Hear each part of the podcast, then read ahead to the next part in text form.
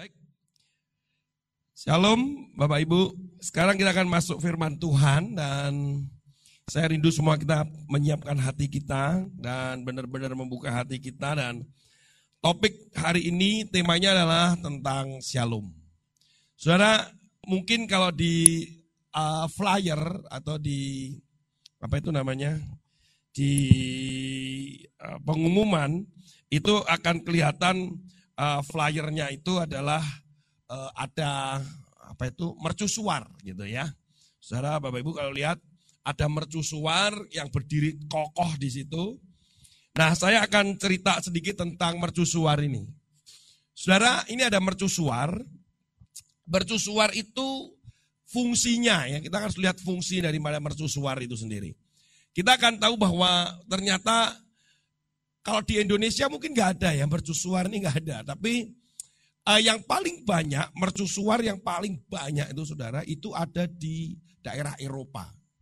Nah terutama di daerah Inggris, di sana di Inggris itu uh, ada mercusuar. Nah tugasnya dari mana mercusuar ini adalah orang itu akan masuk ke mercusuar, kemudian ada satu uh, lampu raksasa gitu ya, makanya disebut lighthouse. Mercusuar itu kalau bahasa Inggrisnya itu disebut lighthouse. Jadi dia ada satu lampu raksasa yang kemudian dipantulkan dengan sebuah uh, apa namanya cermin atau satu lensa yang sangat kuat. Kemudian dia bisa menyinari uh, sekitar dari mercusuar itu jauhnya bisa sampai sampai puluhan kilo gitu ya. Nah tugasnya apa? Adalah menuntun kapal yang uh, jangan sampai kapal itu tidak tahu bahwa di situ di dekatnya ada karang, di dekatnya situ ada satu apa karang raksasa gitu. Jadi mercusuar ini benar-benar fungsinya sebagai penuntun. Artinya sebagai pengarah gitu ya. Nah, harus ada orang yang tugas di mercusuar itu. Nah, itu biasanya dia akan di malam hari, ya bukan di siang. Kalau di siang kan uh, mereka sudah tahu.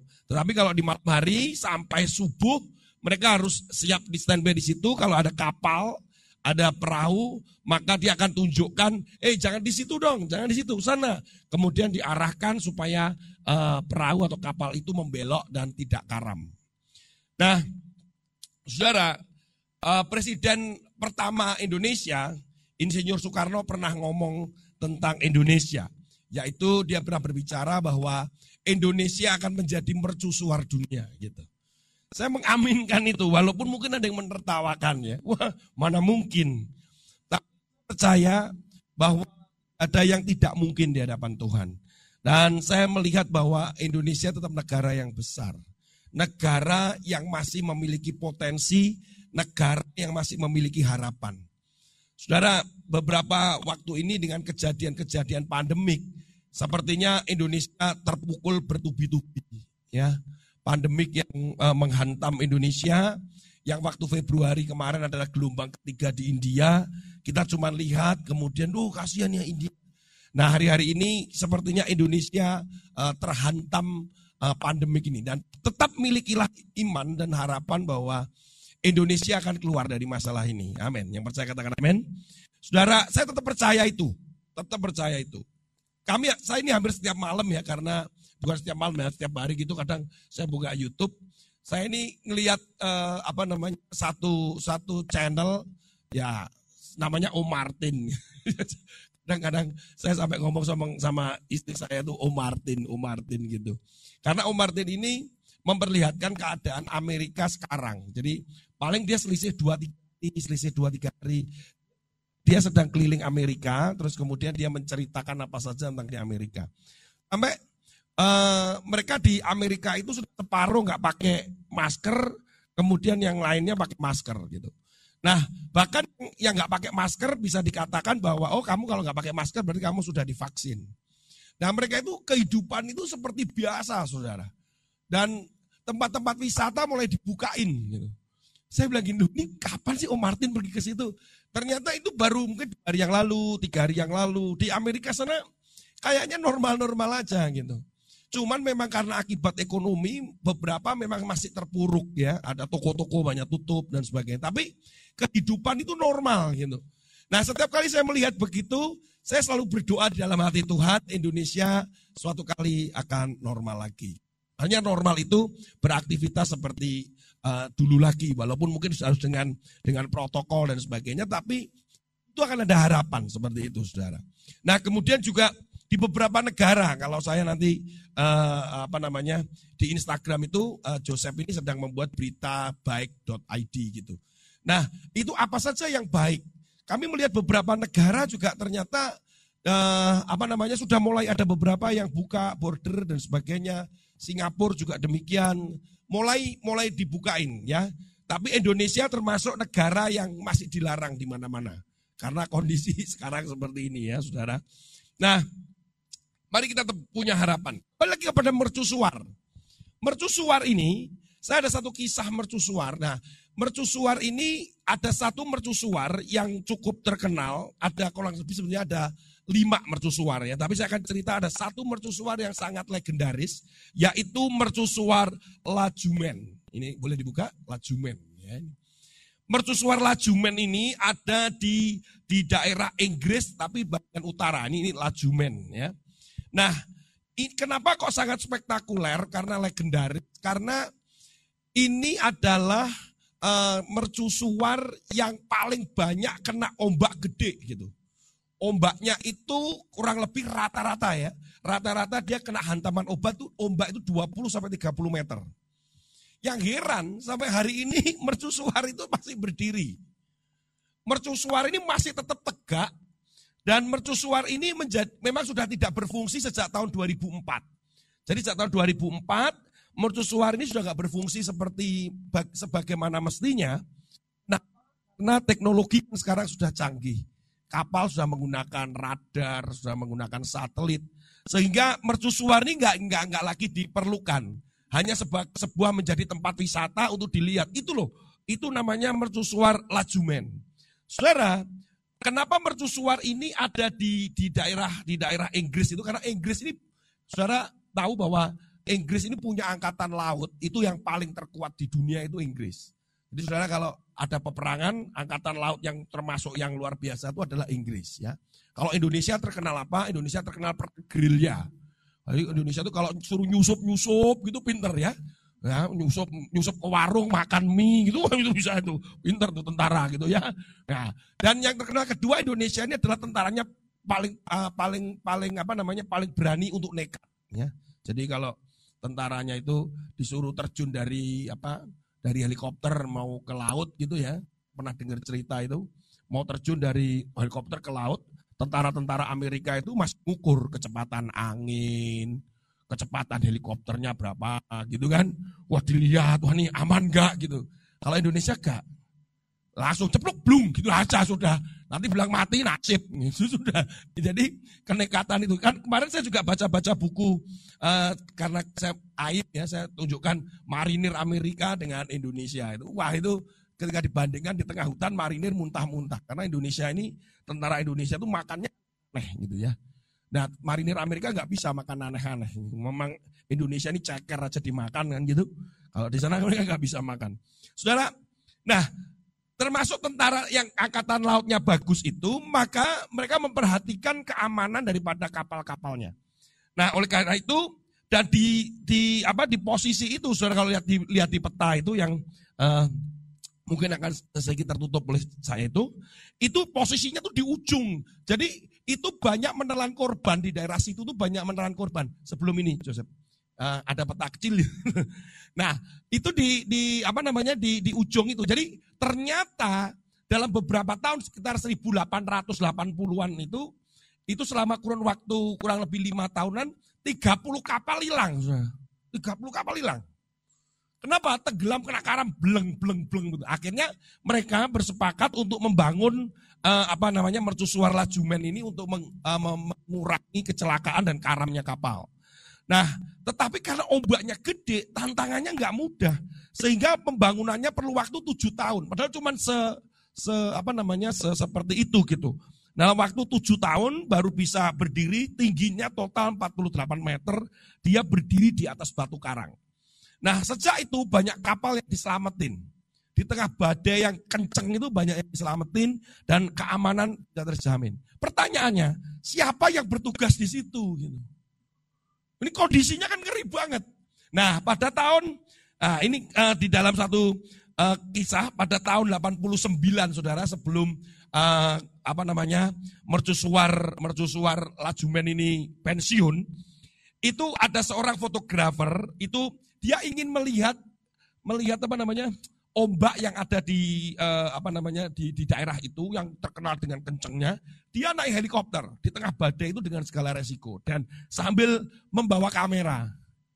Nah di tengah ombaknya gede banget itu ternyata dia waktu foto si mercusuar uh, lajumen ada satu orang ternyata berdiri di situ.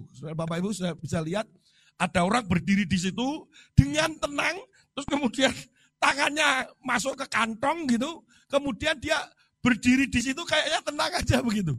Saya bilang ini gila banget nih. Nah, ternyata foto ini menjadi foto pemenang uh, pemenang foto dunia pada tahun 91 nomor 2. Karena dan banyak orang menggunakan foto ini kemudian ada di rumah-rumah dan jadi jadi uh, apa itu uh, jadi dekorasi untuk melambangkan bagaimana kok ada orang dengan tenangnya ada di mercusuar itu Sementara gelombangnya gede banget waktu itu 20 sampai 30 meter. Dan orang yang ada di dalam sana itu adalah petugas mercusuar namanya Theodor uh, Malgon. Dia ini orang di situ, nah ternyata memang dia ada di situ, kemudian karena dia dengar helikopter, dia turun. Dari puncak itu dia turun, turun, turun, turun, turun. Kok ada helikopter ya? Dipikir dia akan diselamatkan. Nah kemudian dia turun, helikopternya cuma moto cerak cerak cerak waduh kok gak diselamat no tapi kok tenang gitu. Karena kekokohan daripada mercusuar apa namanya lajumen ini memang terkenal saudara. Nah ya memang akhirnya setelah helikopter itu pergi nggak lama kemudian dia diangkat diselamatin gitu. Tetapi lihat kenapa saya menceritakan ini dengan awal ini? Berbicara tentang uh, shalom. Apa kaitannya gitu? Saudara kondisi Indonesia, kondisi dunia ini kan seperti gelombang yang begitu besar yang menghantam semuanya. Tetapi orang yang tegak berdiri karena hari-hari ini kita tahu bahwa bahwa uh, begitu banyak orang itu rentan imannya rontok gitu ya, Saudara. Fisik Saudara bisa rontok, tetapi please uh, rohani Saudara jangan sampai rontok. Jiwa Saudara jangan sampai rontok. Fisik punya kelemahan, tetapi yang ada di dalam itu nggak boleh rontok, yaitu rohani iman saudara. Nah, ketika ini gambarannya adalah seperti orang yang ada di mercusuar itu adalah saudara dan saya. Yang tugasnya adalah saudara dan saya ini kita akan naik ke atas, kemudian kita bawa sorotan lampu itu, kemudian kita sedang menyebarkan sesuatu supaya orang itu nggak tenggelam. Sementara kenapa dia kokoh, karena kenapa dia aman, dia ada di mercusuar yang benar. Bahwa Yesus itu sendirilah yang akhirnya menjadi kota benteng saudara, yang dia kokoh di situ berdiri. Walaupun badai seperti apa pun, beleng, itu tetap aja dia berdiri. Nah kita yang ada di dalamnya, kita punya tugas untuk kita memberikan shalom. Yang percaya katakan amin. Supaya orang yang ada dan saat itu dia ada di kapal dan mereka sedang ketakutan di tengah badai itu, kita memberikan sebuah sinar ke sana dan berkata cahaya, eh jangan ke situ, jangan ke situ. Itu kamu nanti bisa kena batu karang dan akhirnya orang itu bisa meninggalkan batu karang dan selamat. Nah masalahnya adalah kita sendiri yang ada di dalam sering kali, kemudian kita gini, gak usah, gak usah. Sudah, bahkan lampunya sudah redup, cerminnya udah pecah, bahkan ya aku gak mau lagi bertugas di situ. Dan akhirnya tetap diam aja di sana. Sudah nanti kalau ada kesempatan, sudah buka YouTube, bukalah Lighthouse and Storm gitu ya. Lighthouse and Storm. Artinya lighthouse dengan badai. Saudara akan lihat bagaimana mengerikannya begitu badai itu kena pure dan uh, lighthouse itu akan tetap berdiri. Saudara, nah baru kita akan masuk ke dalam firman Tuhan. Kondisi Indonesia, keadaan dunia sekarang begitu chaos dengan segala info yang simpang siur, dengan begitu mana yang benar, mana yang salah. Saudara, terus kita dibombardir, kita dihujani dengan berita-berita. Bahkan sampai berita yang penting aja kita bisa terlewat hanya gara-gara berita-berita menumpuk begitu banyak. Banyak orang mengatakan sudah ngomong kemarin ada saya ketemu ada jemaat dia berkata begini, waduh Pak saya sudah nggak ngeliatin berita-berita lagi, saya sudah sudah apa itu orang Jawa bilang enek gitu ya. Sampai ada berita-berita yang benar penting pun nggak terbaca. Kenapa? Karena dia sudah skip. Wah, sudah masuk skip. Memang begitu banyak sekarang, saudara. Nah, saya sendiri juga ketika ada di dalam informasi dalam grup-grup itu, eh, beberapa yang sempat saya lurusin ya saya lurusin. Gitu. Tapi karena begitu banyak mana mungkin. Contoh, contoh sederhana ada, contoh. PPKM. Saudara, PPKM. Berita benernya kayak apa sih? Orang berkata bahwa PPKM ini akan diperpanjang sampai 17 Agustus. Itu ngawur. 17 Agustus itu perpanjangan bantuan sosial. Tapi orang nggak tahu. 31. Ada yang 30. Siapa yang bilang? Itu belum diputuskan. Baru diputuskan besok. Atau lusa. Memang presiden mengatakan akan diperpanjang. Itu jelas. Tetapi sampai kapan tanggal berapa? Itu coba cari search di mana-mana, itu tidak pernah keluar tanggal. Kenapa? Karena memang belum diputuskan. Baru besok. Nah, tapi yang tersebar di mana-mana sudah udah panik. Panik. Semua panik kan? Nah, hal, hal seperti itu. Saya di grup pendeta-pendeta ya tak omongin. Bapak dapat ini, tahu nggak tanggalnya? Kan nggak tahu kan? Yang benar ini loh. Ini belum dikeluarin tanggalnya. Gitu. Karena untuk mengambil keputusan itu saya mengerti bahwa pemerintah nggak mudah. Dia harus harus ada tambahan seberapa puluh triliun untuk hanya menambah berapa sampai akhir bulan. Gitu. Nah ini yang terus pemerintah ini sedang godok. Sampai akhirnya pemerintah juga berteriak, eh tulungan, mari kita bekerja bersama-sama. Cuman itu yang dapat pesannya. Nah saudara, Hal-hal seperti itu belum belum yang lain. Banyak saudara. Kemarin ada temennya teman saya, informasinya karena begitu banyaknya, dia uh, isoma, isolasi mandiri, obat semua dibeli. Dibeli wes. Mahal pun dibeli. Yang antivirus, wah termasuk antangin, apa beli semua lah. Semua obat, itu semua jenis obat yang ada di informasi dibeli sama dia. Karena dia cukup mampu juga. Ketika dilihat saudara, sembuh loh, sembuh. Dari virusnya sembuh, sembuh. Kena lambung, ginjal. Kenapa dia antemin antibiotik kenceng? Sekarang ini kan banyak orang menjadi apa? Menjadi apoteker dadakan. Ya, wong mesti mesti ngobeki, mesti ngobeki. Waduh. Terus katanya dokter ini begitu, kata dokter ini begini, atau dokter ini nggak boleh. Nah, tambahan bok jamu. Wah ini minum jamu iki, jamu ini ngombe minum apa? Bawang bawang lanang, bawang ireng, hijau, kuning, gitu kan. Sambiloto, wah macam lagi. Sampai bawang dimasukkan hidung, kan gitu. Ya, macam-macam. Orang jadi bingung lagi badan kita ini mau diapakan. Nah, akhirnya akhirnya kemudian sakit, ada yang sakit lambung, ada yang Bahkan salah satu dokter berkata gini, ngawur aja itu kan kita jadi apotek, apoteker mendadak. Sembuh hari ini, 10 tahun lagi kena ginjal gitu. Nah bisa jadi begitu saudara. Makanya informasi itu disaring pelan-pelan, diselidikin satu-satu gitu. Ya memang kita nggak ada waktu. Nah kalau nggak ada waktu, ya saudara sudah uh, apa namanya, bagaimana sesuai dengan firman Tuhan dan kita tuh hidup sehat gitu saja. Ya, jadi nanti kita akan lihat bahwa bombardir yang begitu banyak itu kondisinya bisa nggak kita tetap ada aman seperti ada di dalam mercusuar itu.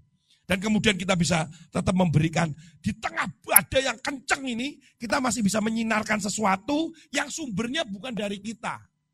Sumbernya itu adalah dari Allah sendiri. Kemudian kita mengar bantu ngarahin, bukan bantu Allah, tapi kita ngarahin. Eh, di situ ada kapal yang mau tenggelam. Set Eh jangan di situ dong, di sini, set, supaya engkau belok gitu.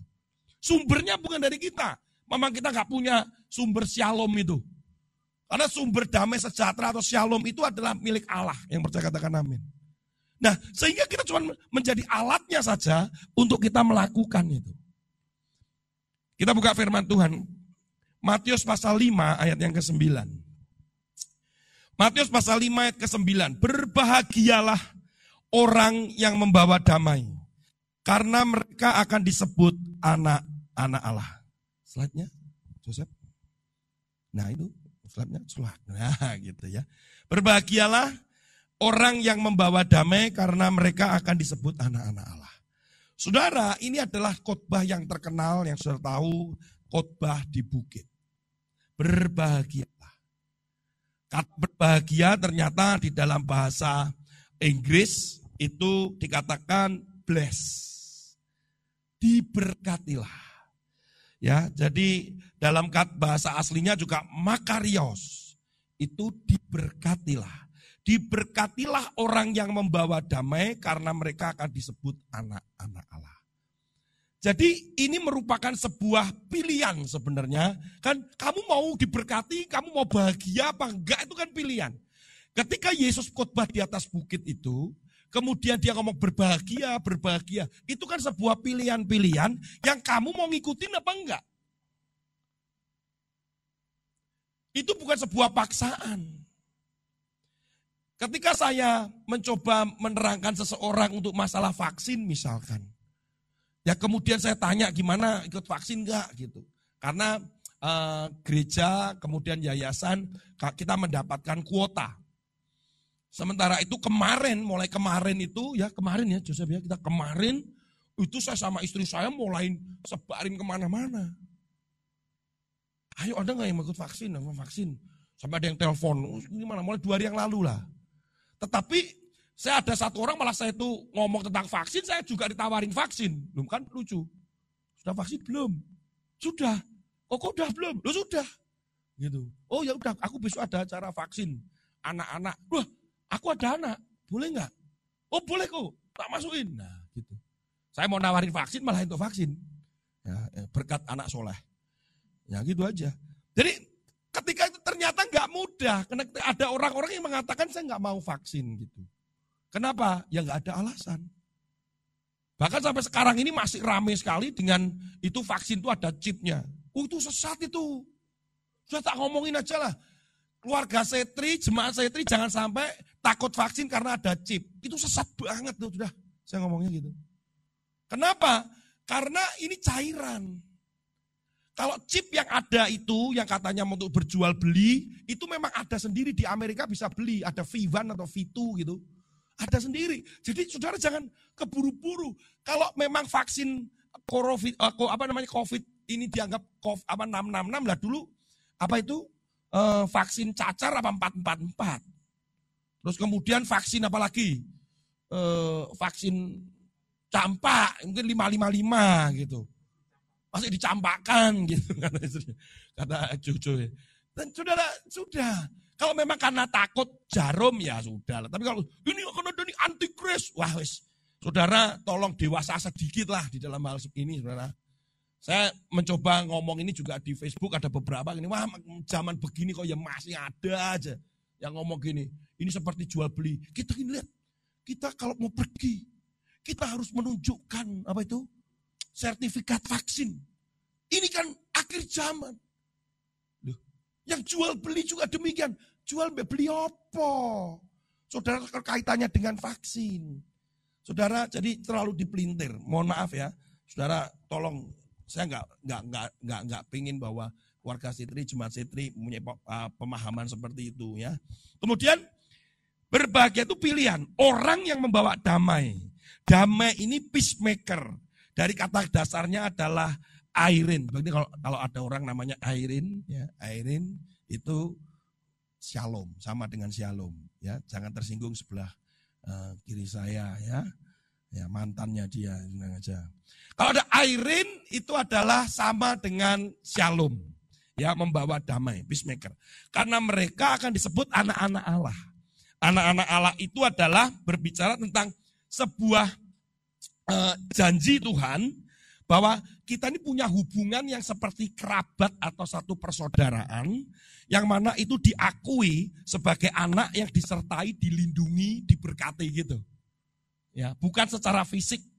Tetapi anak-anak itu kalau kamu membawa damai, maka kamu ini saudaraku gitu loh. Kamu tak juga tak lindungi, kamu juga tak uh, tak sertain, kamu juga tak berkat gitu. Kalimat itu sebetulnya kayak gitu. Nah, saudara, kalau di perjanjian lama, yang disebut shalom itu kita ambil di bilangan pasal 6 ayat 24 sampai 26. Bilangan pasal 6 ayat 24 sampai 26. Slide Joseph. Tuhan memberkati engkau dan melindungi engkau. Ini biasanya dipakai oleh hamba-hamba Tuhan kalau mau memberkati terakhir sebelum pulang. Nanti kalau saya baca ini jangan pulang ya. Nanti saya ngomong Tuhan memberkati engkau sampai terakhir memberi engkau harus pulang. Bukan ini ini bacaan ayat ya. Tuhan memberkati engkau dan melindungi engkau. Tuhan menyinari engkau dengan wajahnya dan memberi engkau kasih karunia. Tuhan menghadapkan wajahnya kepadamu dan memberi engkau apa saudara? Damai sejahtera. Damai sejahtera ini shalom. Shalom itu kalau di orang Yahudi memang menjadi ucapan salam. Di Indonesia ini dulu nggak ada. Orang Kristen zaman bertobat itu ketemu ya salaman saja. Nggak ada. Salam itu nggak ada. Itu kan baru ada kurang lebih tahun 80-an katanya. Eh, 90-an katanya. Ada orang yang pergi ke Israel kok lihat salam salum salam salum, terus ke Indonesia dibawalah si salum itu gitu. Nah sejak itu jadi merambat ke mana-mana sampai hari ini. Shalom. Nah sebenarnya ketika ada orang ngomong shalom, mestinya harusnya jawabnya bukan shalom. Elehim shalom. Kan gini loh, halo. Ya kan gitu. Saudara kan halo, halo. Bukan ngulang sebetulnya. Tetapi yang betul adalah ya kamu shalom juga. Tapi harus elehim, elehim shalom. Kalau kita kan enggak shalom, shalom, shalom, shalom, shalom, ya shalom, shalom, shalom, gitu. Ya, ya nggak apa-apa lah, nggak harus ada aturan. Saudara kalau nanti nggak bilang elehim shalom ya nggak nggak apa-apa lah. Apakah saya akan kehilangan? Harus enggak lah, saudara ya.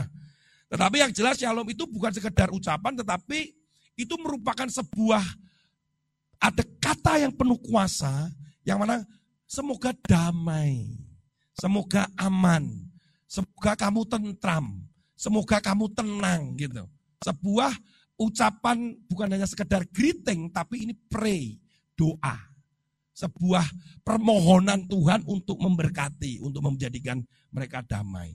Nah itu kalau kita katakan shalom artinya ini dari rangkuman saya cariin saudara ya karena setidaknya itu uh, ada literatur yang terkait dengan itu tuh di Alkitab itu ada 270-an lebih tentang shalom. Terus kemudian kalau di perjanjian lama, perjanjian baru lebih banyak lagi. Saudara, intinya begini. Shalom itu tidak ada yang hilang. Jadi tidak ada peperangan, tidak ada perpecahan, ada kedamaian, sejahtera, kondisinya sehat, semua dalam keadaan baik, aman, itu shalom. Nah, saudara, kaitan menjadi pendamai ini yang akan menjadi pesan kita hari ini. Kita harus bawa shalom. Oh, kok bawa shalom sih? Kita harus membawa damai sejahtera. Yang percaya katakan amin. Saudara harus harus membawa damai itu ke mana saja. Orang yang dekat dengan saudara itu harus merasakan damai. Saya selalu menghindari orang yang datang itu selalu membawa kekacauan atau ketakutan. Tak tinggal, tak tinggal tenan. Di dalam percakapan pun tak tinggal.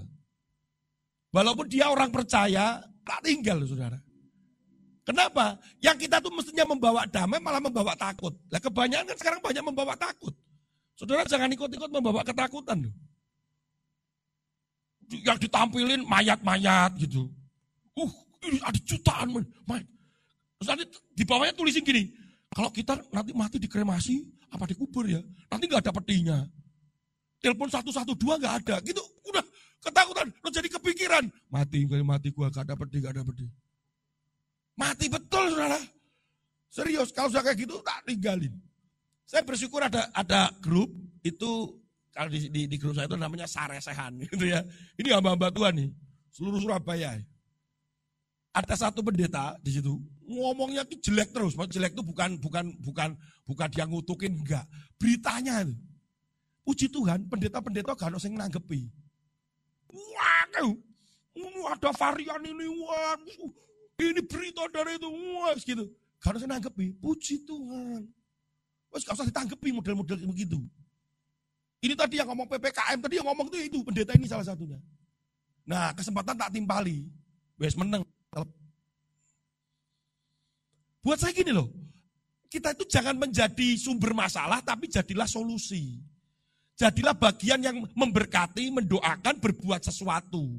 Di tengah badai seperti itu, bukan terus ngomong begini, badai, badai, ayo badai. Tapi orang yang ada di mercusuar, itu dia naik ke atas, malah kita harus menyelamatkan kapal itu. Kita harus menolong orang itu. Karena apa? Karena kita ada di dalam kerajaan yang tidak tergoncangkan. Yang percaya katakan amin. Kita harus ada di kita tuh ada di batu karang. Saudara tahu, mercusuar itu berdirinya di atas batu karang. Itu kokoh banget. Kenapa dia kokoh? Ya karena itu. Nah sementara kita ada di dalamnya Tuhan. Yang dia adalah juga dia adalah sendiri adalah kota benteng itu. Nah kalau kita sendiri sudah kacau, bingung, itu orang bisa bunuh diri lompat ke situ. Wah nggak ada harapan, waduh nggak ada harapan. Saudara. Nah, Mengingat pembawa damai, next slide. Pembawa damai di Matius 5 pasal 9. Ini kenapa? Karena Yesus itu adalah raja damai. Dalam Yesaya dikatakan, "Oh Yesusku."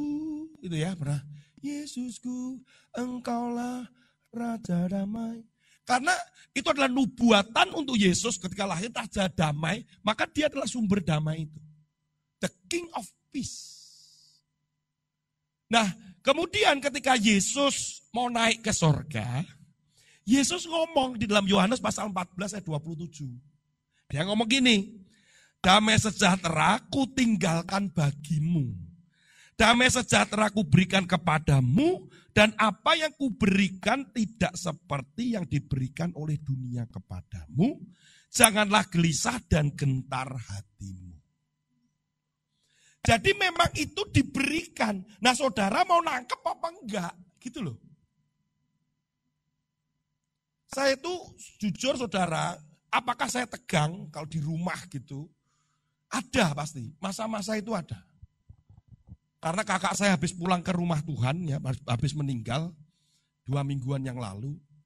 Eh, saya tuh kok ya buka WA, kok ya pas WA WA-nya dia terakhir dengan saya tak bukain. Itu cek, itu langsung kesedihan itu muncul lagi loh. Nah waktu kita doa pagi ya, karena kita kan ketemu jam 7 pagi dan jam 7 malam. Biasanya itu saya mendoakan nama dia itu saya sebut. Ya betul ya. Namanya disebut. Kalau namanya itu saya sebut uh, seperti anak-anak saya kalau panggil dia, om ini gitu. Tapi waktu kemarin mulai Senin nih, kemarin, eh sekarang saya nggak nyebut lagi. Itu tiba-tiba mak, tek, aduh, ternyata sudah meninggal. Ya. Kan yang saya sebut ganti istrinya toh. Istrinya dan anak-anaknya kan gitu, keponakan kami gitu. Nah, saya tidak bisa nyebut lagi kakak saya. Itu tek gitu. Nah, saya bersyukur punya istri yang selalu menguatkan saya. Nah, ini pentingnya kita itu bisa menguatkan satu dengan yang lain.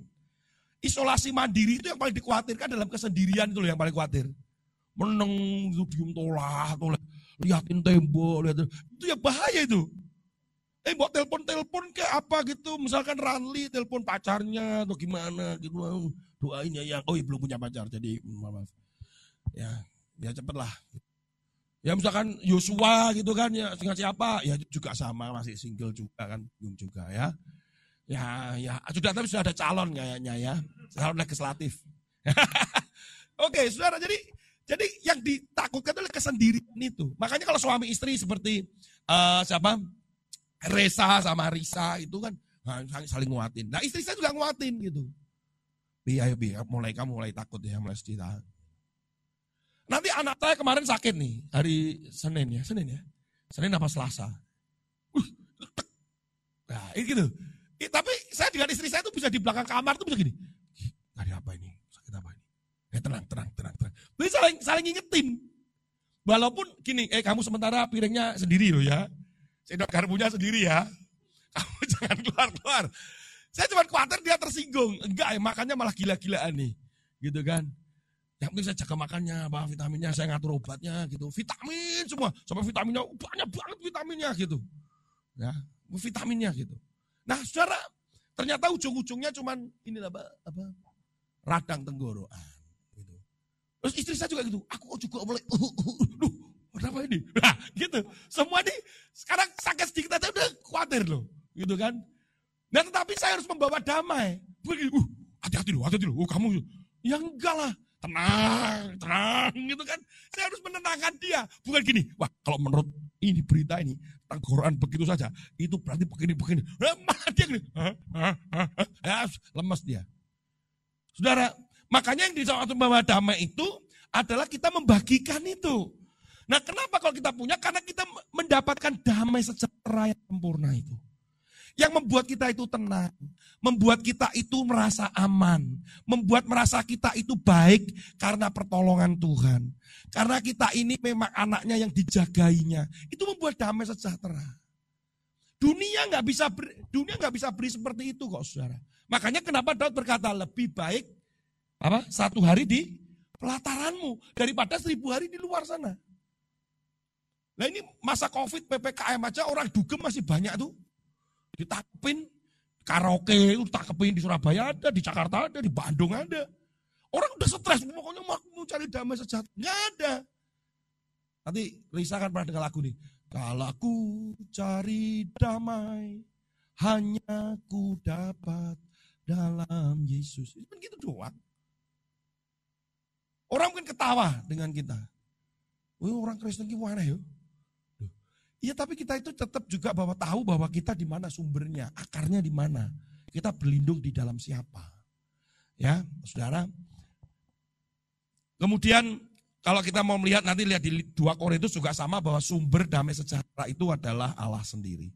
Nah, pembawa damai itu bagaimana? Ini artinya pembawa damai. Segala kenyataan yang membuat orang dapat menikmati kebaikan. Next slide, Joseph. Artinya bahwa segala sesuatu yang membuat dan membawa kebaikan pada orang lain. Gitu. Kalau dia sedang tidak baik, ya kita berusaha untuk membuat sesuatu jadi baik. Kalau dia sedang sedih, buatlah segala sesuatu yang menguatkan dia, memberikan harapan. Jadi membuat dia kondisinya menjadi lebih baik. Bukan kekacauan, memperkeruh keadaan, permusuhan, perpecahan, keresahan, dan kekhawatiran. No, stop it. Kita menjadi orang Kristen sekarang kalau saudara pengen dianggap sebagai anak-anak Allah, saudara ingin diberkati, saudara ingin apa namanya, saudara ingin uh, apa uh, berbahagia, ya saudara harus menjadi shalom buat orang. Jadi shalom. Bukan hanya sekedar ngomong doang shalom, shalom bukan, tapi menjadi shalom. Bagaimana supaya menjadi shalom? Ada cuma dua saja. Yang pertama adalah Saudara mesti berdamai dulu dengan Tuhan. Kalau saudara sampai hari ini masih terus komplain dengan Tuhan, saudara masih belum mengucap syukur dengan Tuhan. Saudara masih masih kekeh dengan dengan uh, kehendak saudara. Saudara berarti belum berdamai dengan Tuhan. Itu tidak akan bisa menjadi pembawa damai karena hidupnya tidak mengalami damai. Kalau saudara masih mengatakan Tuhan, kenapa kok aku di sini kok nggak di sana? Mestinya aku kan di sana, kenapa harus di sini? Nah, itu masih komplain, berarti saudara belum berdamai dengan Tuhan. Kenapa kok aku dilahirkan pada orang tua yang seperti ini? Kenapa kok bukan orang tua itu? Saudara belum berdamai dengan Tuhan. Kenapa aku di PHK? Sementara aku begini-begini. Dan dia kok enggak? Hmm, Tuhan tidak adil. Ketika saudara marah dengan Tuhan, saudara sedang pada masa tahap di mana saudara sedang tidak berdamai dengan Tuhan. Sebagai orang percaya, memang hal-hal seperti itu yang muncul. Tapi ketika saudara awalnya dulu sebagai orang berdosa, saudara berdamai waktu itu, itu karena saudara percaya kepada dia. Ya, tapi kalau dalam kehidupan perjalanan rohani kita ini, kata kali kita itu tidak berdamai karena marah dengan Tuhan. Karena kita merasa dia tidak adil, merasa dia uh, tidak menolong tepat pada waktunya dan sebagainya dan sebagainya sehingga kita malah marah dengan Tuhan dan kita sedang tidak berdamai dia. Kita buka firman Tuhan satu aja, kita buka di dalam 2 Korintus pasal yang kelima ayat yang ke-18 sampai 21. 2 Korintus pasal yang kelima, saudara. Ada begitu banyak tantangan kita. Jangan sampai saudara nggak berdamai dengan Tuhan. Ya. 2 Korintus pasal yang kelima, ayat yang ke-18, saudara. Sampai ayat yang ke-21. Dan semuanya ini dari Allah yang dengan perantaraan Kristus telah mendamaikan kita dengan dirinya yang dan yang telah mempercayakan pelayanan pendamaian itu kepada kami. Sebab Allah mendamaikan dunia dengan dirinya oleh Kristus dengan tidak memperhitungkan pelanggaran mereka. Ia telah mempercayakan berita pendamaian itu kepada kami. Mempercayakan pendamaian dua kali. Jadi kami ini adalah utusan-utusan Kristus. Itu saudara dan saya. Seakan-akan Allah menasihati kamu dengan perantaraan kami. Dalam nama Kristus kami meminta kepadamu berilah dirimu apa? Didamaikan dengan Allah.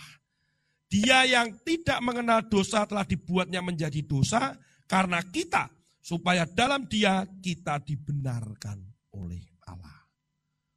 Saudara ini pelayanan pendamaian. Saudara dan saya ini utusan-utusan itu. Tetapi kita harus mengalami yang namanya didamaikan dengan Allah. Yang dulu kamu berdosa, kamu itu dibenarkan. Yang kita salah itu dibenarkan oleh karena kematian Yesus. Yesus harus menanggung itu di atas kayu salib. Jadi perantaraannya Yesus. Yang hari-hari ini sudah jauh dari Tuhan. Yang sudah mulai meninggalkan Tuhan. Saudara, ayo berdamai. Kecewa dengan keadaan ini kita mau marah-marah seperti apa. Ini nggak selesai-selesai Pak Tony. Pandemi ini sudah hampir dua tahun. Sudah satu setengah tahun lebih. Tapi ketika saya itu melihat sebuah harapan.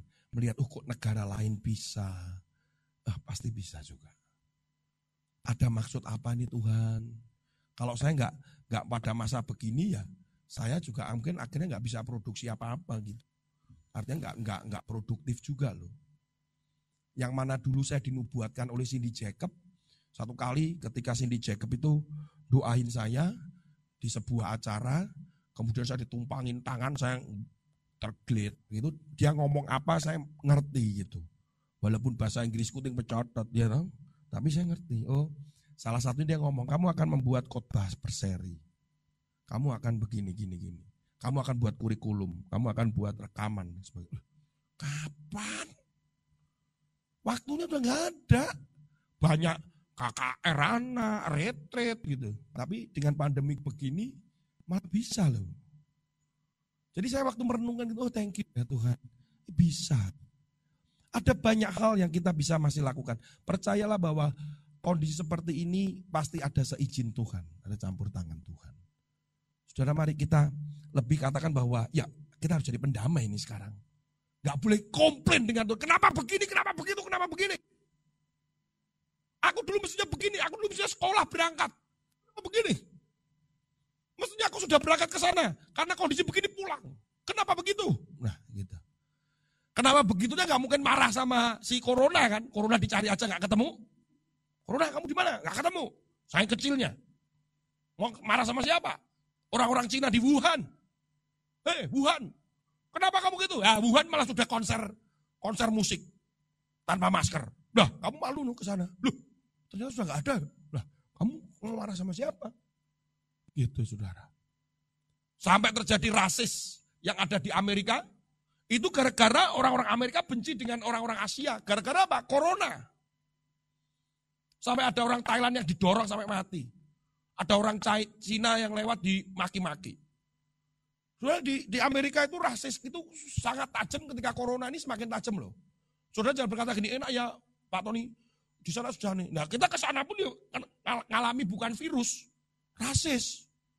Masing-masing itu ada ada masalahnya sendiri-sendiri, saudara. Gitu. Orang lewat di mana, oh, maka sipit loh gitu. Bisa dipukul, bisa dimaki-maki. Sampai orang-orang Cina di sana itu sampai bawa pistol, beli pistol mereka. Kenapa alasannya? Karena mereka di, ada tulisannya gede. Mereka demo. Kami tidak mau virusmu. Kembali pulanglah ke negaramu. Gitu. Loh, memangnya dia bawa virus apa? Kan gitu. Orang dia nggak masuk akal. Karena dia nggak tahu mau marah sama siapa. Mau marah sama Tuhan aja mereka tidak, kadang banyak yang tidak bertuhan. Mau marah sama pemerintah, pemerintah dia juga kebingungan. Ya satu-satunya orang yang orang Asia. Kamu, kamu dari Cina? Enggak, saya dari Indonesia. Hah, gak peduli, pokoknya foto sipite toh. Kamu membawa virus, loh kok ngono negara, kok kayak ngono kok. Gitu. Saudara, wah macam-macam, karena sudah gak masuk akal. Ya, itu yang pertama. Jadi berdamailah dengan Tuhan. Jangan marah-marah. Yang kedua adalah menjaga hati dan pikiran kita. Supaya damai itu kan tetap Nah, ini kita buka ini ayat yang umum Filipi pasal 4 ayat 4 sampai 9 ini ayat terakhir. Filipi pasal yang keempat ayat yang keempat Saudara. Ya, Filipi pasal yang keempat ayat yang keempat sampai yang kesembilan. Filipi saya mendapatkan sesuatu yang bagus sekali ini Saudara. Ya, baru saja ketika saya menyiapkan bagus sekali. Bersukacitalah senantiasa dalam Tuhan. Sekali lagi kukatakan bersukacitalah. Hendaklah kebaikan hatimu diketahui semua orang, Tuhan sudah dekat. Janganlah hendak kamu khawatir tentang apa pun juga, tetapi nyatakanlah dalam segala keinginanmu kepada Allah dalam doa dan permohonan dengan ucapan syukur. Ayat 7. Damai sejahtera Allah yang melampaui segala akal akan memelihara hati dan pikiranmu dalam Kristus Yesus. Saudara, Ketika saya membaca ayat ke-7, saya mendapatkan sesuatu yang kaya sekali bahwa bagaimana menjaga hati dan menjaga pikiran. Ketika damai sejahtera Allah itu ada dan kita meresponi supaya Tuhan damai sejahteramu ada di aku. Nah itu akan menjaga hatimu. Ketenangan itu ada di dalam diriku. Karena aku ada di dalam engkau. Aku merasa aman. Aku merasa kedekatan. Aku merasakan cintamu. Aku merasakan perlindunganmu. Karena kita sudah berdamai itu, maka itu yang terjadi dalam diri kita. Nah ketika damai sejahtera itu kita alami dan kita rasakan, dan kita benar-benar mengerti tentang itu, maka hati kita akan terjaga, pikiran kita akan terjaga. Hati itu terjaga, itu tanda-tandanya adalah satu, hidupnya selalu bersuka cita. Ayat 4. Eh ini slide berikutnya bro. Iya, waki ngejahit itu betul. Saya tak gini loh, iya. Ya, hatinya tetap terjaga, gitu ya. Itu artinya terjaga itu artinya satu tetap dalam sukacita. Sukacita itu beda dengan bahagia, saudara. Bedanya? Sukacita itu bagaimanapun keadaannya itu meluap ada satu ketenangan, ada satu damai itu sukacita. Kalau bahagia itu begini, ada sesuatu yang apa namanya hadiah gitu. Wih, aku seneng, ini bahagia karena ada sesuatu, objeknya ada yang kita sukai, yang sesuai dengan keinginan kita itu ada, itu bahagia. Tetapi yang namanya sukacita itu enggak begitu. Dan sukacita itu keputusan. Karena dia bentuknya itu adalah joy, bukan rejoice. Jadi itu adalah sesuatu yang di dalam, kemudian kita uh, memutuskan untuk benar rejoice. Gitu. Ya, sukacita. Yang kedua, ayat yang kelima. Melakukan kebaikan. Hatinya selalu baik. Kemudian tidak khawatir, hatinya nggak khawatir. Yang ke berikutnya, hidupnya dalam doa dan permohonan. Ini berbicara hubungan, keintiman. Yang berikutnya, mengucap syukur. Hati yang terus mengucap syukur. Oh terima kasih Tuhan. Yes, thank you. Terima kasih Tuhan. Terus ada sukacita. Yes. Kemudian dari hati ada keluar sesuatu yang kindness. Sesuatu yang baik. Kemudian ya tenang. Hatinya tenang karena nggak khawatir lagi. Nah kalau menjaga pikiran saudara tahu ayat 8 sampai 9. Bahwa itu saudara pasti dan saya sudah khotbahkan ini juga. Bahwa yang apa? Yang benar, yang baik, eh, yang yang mulia, yang adil, kemudian yang suci, yang manis, yang sedap didengar, yang disebut kebajikan, dipuji, pikirkanlah semua itu. Saudara, terakhir kembali lagi ke ayat tadi. Ya, next slide. Maka jadilah pembawa damai. Ya, jadi pembawa shalom. Sekarang ada kabar apa pun, saudara saring, filter. Makanya saya sekarang masih sampai hari ini saya tidak pernah memberitakan tentang orang yang sakit dan orang yang meninggal. Saya nggak mau. Kalau di story Instagram saya maupun di Facebook nggak ada. Saya cuma tahu, oh koncoku mati. Gitu dok. Oh ya wis. Baru kemarin ada lagi, oh mati mana? Ya wis. Saya nggak gini, eh, tak pasang di story, mati. Itu nanti saya gini, mati. Nanti yang baca gini, loh DEW mati, opone aku lah gitu. Wah, ternyata teman kita banyak yang mati ya. Kapan dia yang malah menakuti orang ya sebenarnya gak itu munculkan. Nanti kalau sudah selesai semua, didaftarai sopo sing mati ya ini. Pokoknya udah tahu gimana. Jangan-jangan karena banyaknya harus nanti lupa. Ayo ke diri kono yo. Lho wis mati kuwi. Lho, nek nang diri kono ae. Lah kuwi wis mati nih. Oh, akeh yo sing mati yo. Ya, mungkin itu. Tapi nggak mau ngabarin itu. Bahkan yang sakit pun saya nggak mau bagi bagi secara luas gitu ya. Nah, kalau kita tahu, mari kita doakan. Oh Tuhan beri kekuatannya buat keluarganya, buat ininya. Gitu. Di salah satu grup kami ada uh, ada keputusan dari teman-teman bahwa harus absen sekarang. Harus absen. Ada teman saya kena Covid, ben isu takoi, weh weh. Wis ono ora? Oh ono ono ono. Yo wis, sing sehat yo. Besok lagi. Eh, kamu kok enggak muncul? Selamat pagi kayak gitu. Selamat pagi. Oh, urip. Jadi di grup itu ternyata jangan-jangan tidak ber, bisa WA ya. Nah, itu dikuat-kuatin. Ya, jadilah pembawa damai. Stop semua penyebaran-penyebaran itu. Hiduplah dengan demikian karena saudara akan hidup dalam kebahagiaan dan saudara akan diberkati. Karena memang kata-kata uh, berbahagia itu juga sama dengan diberkati dan saudara dan saya diakui sebagai anak-anaknya. Kan indah, punya intim, punya di ya, kalau sudah anak itu suatu yang indah yang yang benar-benar kita bisa uh, hubungannya dekat dengan Tuhan pembawa damai. Jadilah shalom buat orang lain. Ya, berita-berita disaring, dibagikannya juga disaring. Tuhan Yesus memberkati. Mari kita berdoa, saya undang.